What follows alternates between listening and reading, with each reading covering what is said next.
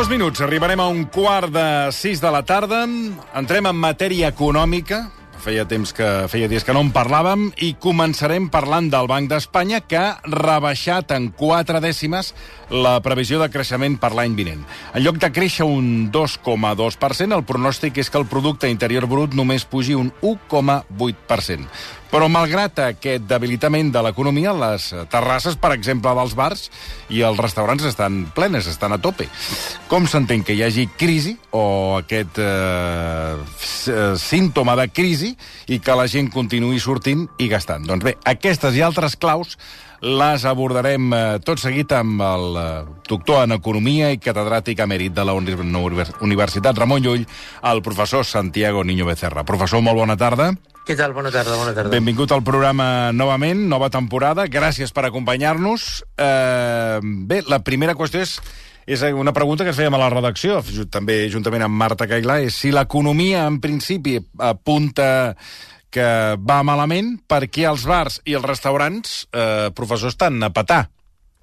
Bueno, abans, abans d'això, mm, permeti'm un apunt. Eh, el Banc d'Espanya eh, ha dit això, però el consenso de Bloomberg va publicar a finals de setembre que mm, per Espanya eh, mm, pressupostava una, un creixement de l'1,5% al 2024. És a dir, encara, encara per sota. Bé, el tema, el tema del, del, de les terrasses i dels restaurants, sí. jo crec que això ens donaria per un programa sencer, perquè, perquè hi ha moltes variables.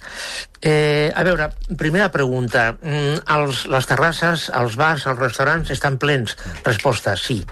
Eh, el que passa és que jo he parlat amb propietaris de restaurants sí. i hotels eh, i em diuen de que mm, la despesa mitja de facturació per taula i dia ha baixat. Eh, és, és a dir, Eh, parlem d'un restaurant mm, amb un menú mm, 50-60 euros, que ja, ja té un, per un cert nivell, no? Sí, home, eh, sí, sí, 50-60 és, és un supermenú, això, eh, bueno, professor? Pues, eh, moltíssimes persones agafen el menú pelat, és a dir, mm, si el menú no entra vi, no agafen vi. Eh, o no agafen cafè, o les dues coses. Eh, és a dir, que mm, la, inclús, inclús el que passa és que això ja en, en nivells inferiors. Hi ha adults que estan demanant eh, menú de nen.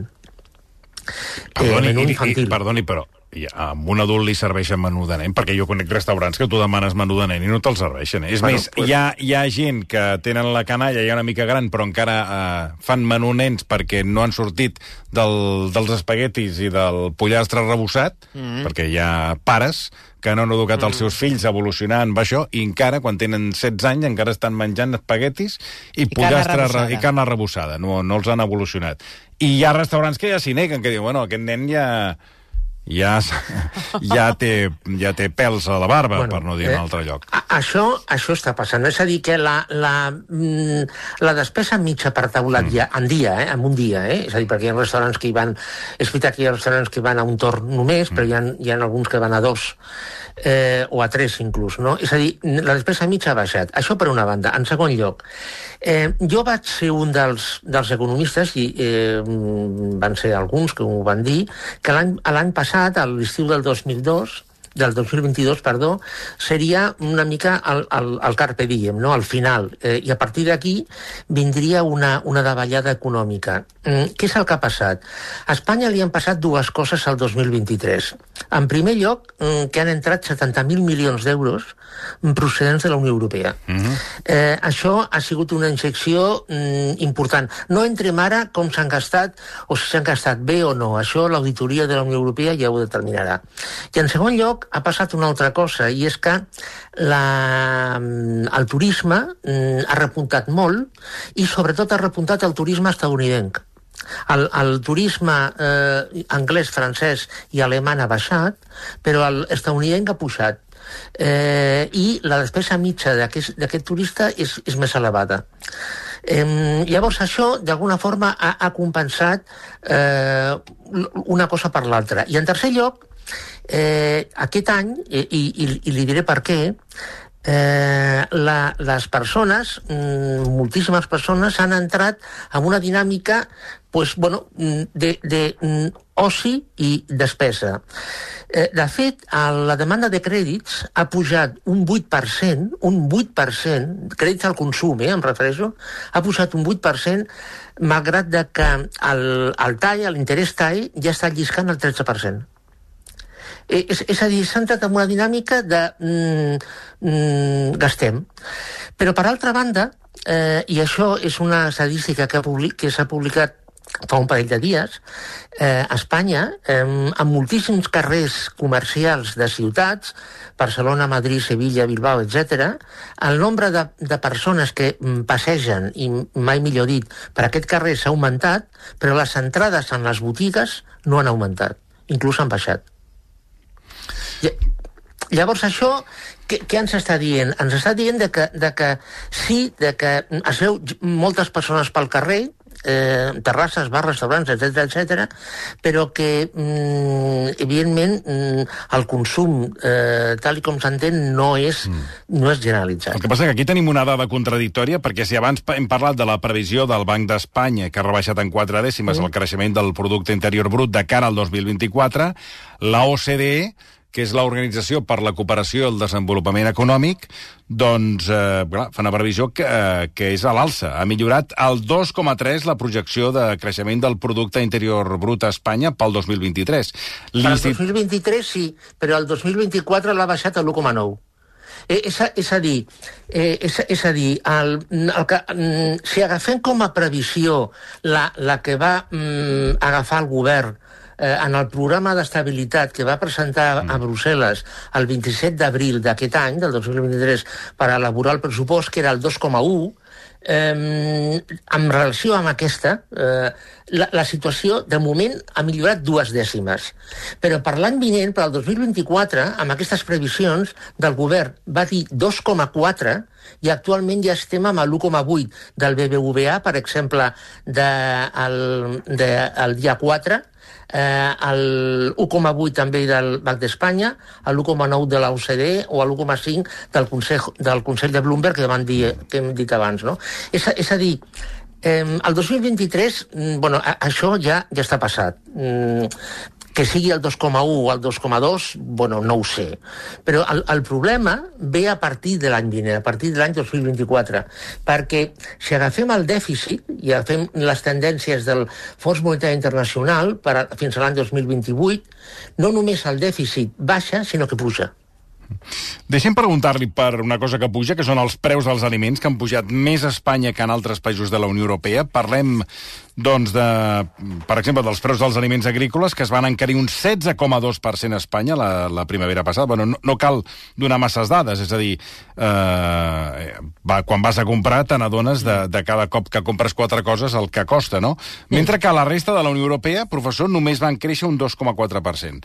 Espanya, per tant, lidera les pujades de la inflació al camp del, al costat, la inflació alimentària, al costat de Portugal i Grècia, eh, tots afectats per episodis intensos de sequera. En canvi, a Alemanya els preus van baixar un 1,6% i a França van ser un 7% inferiors als de l'any anterior.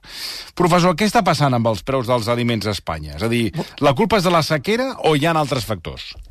Bueno, sí, evidentment hi ha altres factors. Mm, en primer lloc, jo crec que és important mm, ressaltar que eh, sobre el, el total de despesa d'una família, d'una família mitja, eh, mm. l'alimentació representa el 25% de la seva despesa.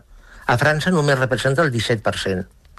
Eh, és, és a dir, això, això que implica? Això que implica que en, en termes relatius el pes de l'increment de preus sigui més, més elevat.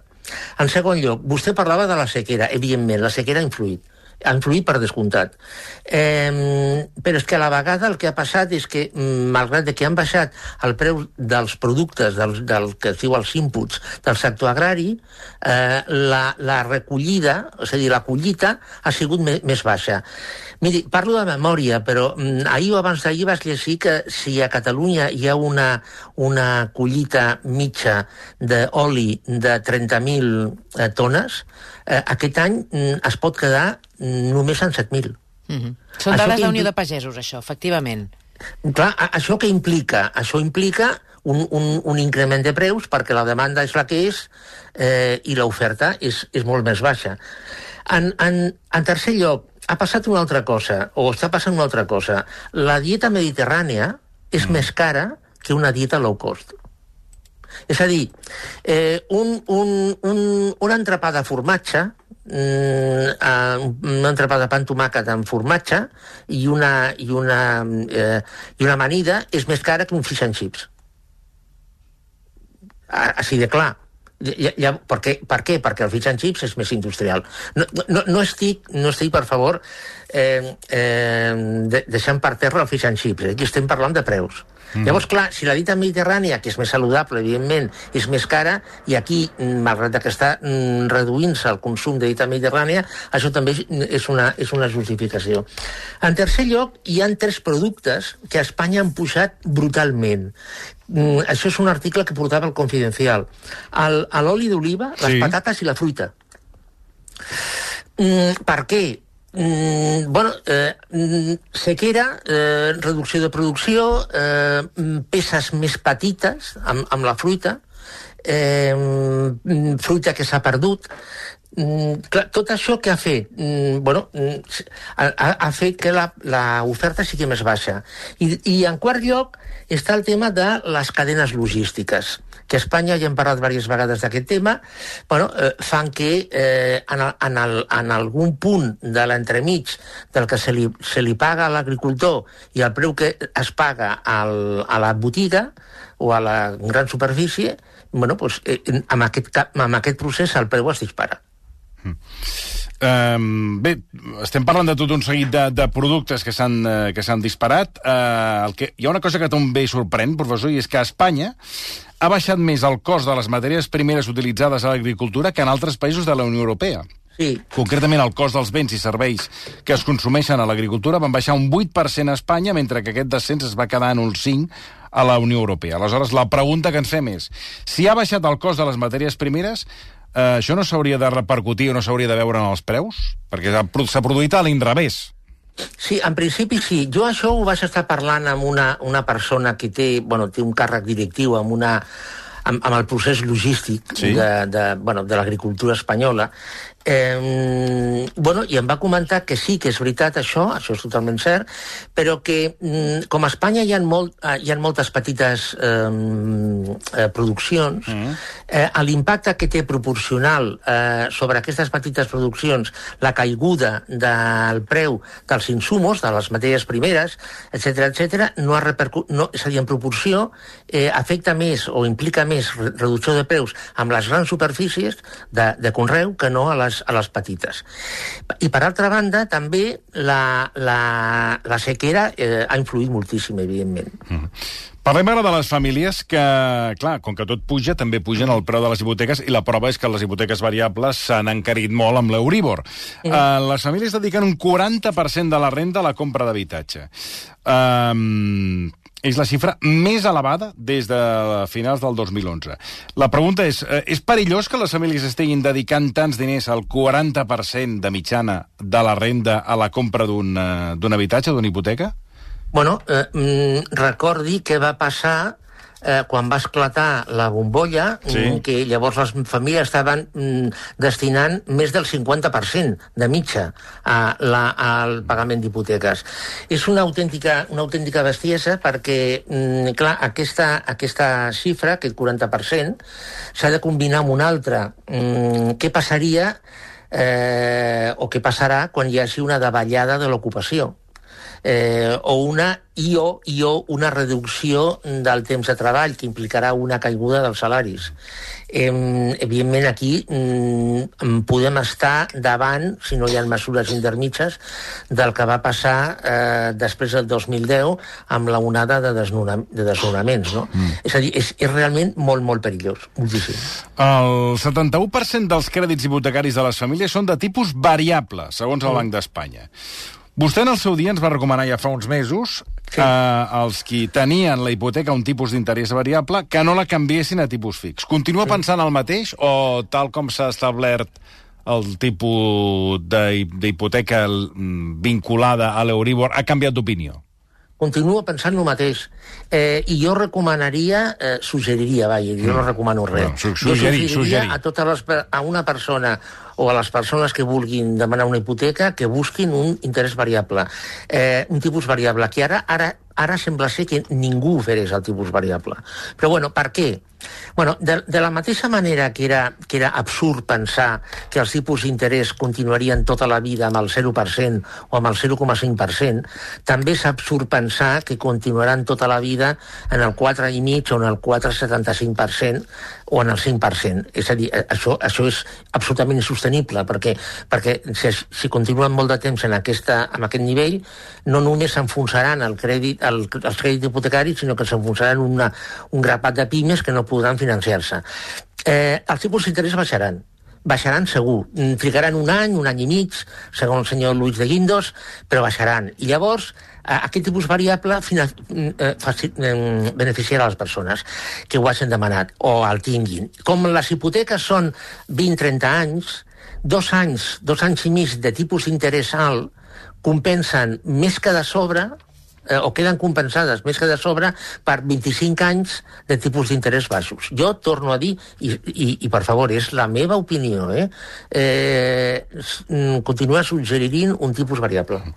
Um, fa un any i mig que el Banc Central Europeu va aprovar la primera pujada de tipus d'interès i la inflació continua sent elevada. La pregunta és... Um, um, ja, ja, ja, o sigui, quan començarem a notar d'una manera fi, palpable, que és evident que, que, que aquesta escalada de preus comença realment a frenar i comencin a frenar-se també les pujades del tipus?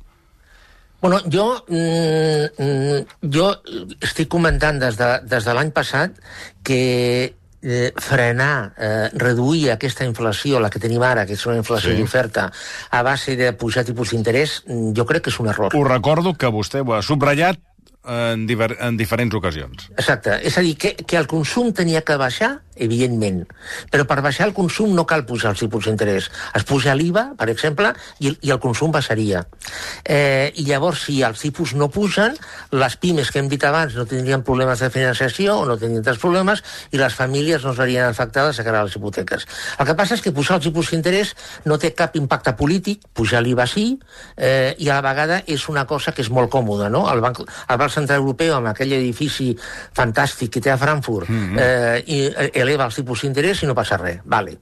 Eh, lla- llavors, eh, els experts, el que passa és que, clar, això, pff, cada moment és un moment, no? Els experts diuen, diuen que eh, les, les estadístiques mm, mostren que eh, la pujada de tipus d'interès eh, es reflexa amb la baixada de preus després d'entre un i dos anys. Ui, doncs hem Eh, d'esperar encara... Aquí està. Encara do- dos anys, no? Eh, bueno, no, perquè ja portem un. Eh, bueno, doncs posa-li un, i, un, i, un i mig. Per això, el senyor Luis de Guindos, la, la, la setmana passada, mm. va comentar que mm, podríem veure, mm, podríem començar a veure baixades de tipus d'interès a mitjans del 2025. Doncs finals del 2024, mitjans del 2025. Doncs queda, queda un any llarg. Queda, queda, sí. I, i, I el problema, ja, ja que parlem de la inflació, si recordem, eh, l'IPC mm, eh, de setembre ha pujat eh, fins al 3,5, però el més important, el més greu, sota el meu punt de vista, és que la inflació subjacent està en el 5,9 i, està, i, porta, i porta més d'un any estancada en el 6%. Eh, 6, 6, 6,1, 6,2, 5,9, 6, és a dir, estancada en el 6. Això és, això és molt important. Per què? Perquè si és cert les previsions que hi ha de pujada de preus de la benzina i del gas, això implicarà que la inflació subjacent tornarà a pujar i, i de rebote a l'IPC. Bueno, esperem que no. Esperem que, que, que això comenci a estancar-se, perquè si no és una escalada eh, que els sous no donen, ja, ja no donen per més, eh, tal com estan els sous eh, al nostre país. Vostès volia parlar de Tesla, que és aquesta marca de Sí. moda, que, que cada dia veiem més eh, automòbils d'aquesta marca pels eh, diferents carrers de, no només de Catalunya, sinó d'Espanya, perquè aquesta és l'empresa automobilística, segons eh, ara ens explicarà vostè, que, vulnera, que, vul, que més vulnera la protecció de dades. De fet, segons un estudi de la Fundació, de la Fundació Mozilla, elaborada als Estats Units, els fabricants de cotxes són els que menys protegeixen les dades dels consumidors. Per què Tesla és la que vulnera més la protecció de dades? Bueno, mm, aquí, aquí hi ha un tema que jo crec que tindrem d'escollir. Que, bueno, si, si és que ens deixen escollir. A veure, Tesla, eh, jo, jo no, no, no és que sigui una, una conclusió meva, eh? és a dir, és una conclusió de persones molt ficades amb el món de l'automòbil. Avui dia, en el software de conducció, software de gestió d'energia, eh, software d'assistència a la conducció, etc etc, sembla ser que el de Tesla eh, és el millor. Mm. El millor, el més avançat i el millor.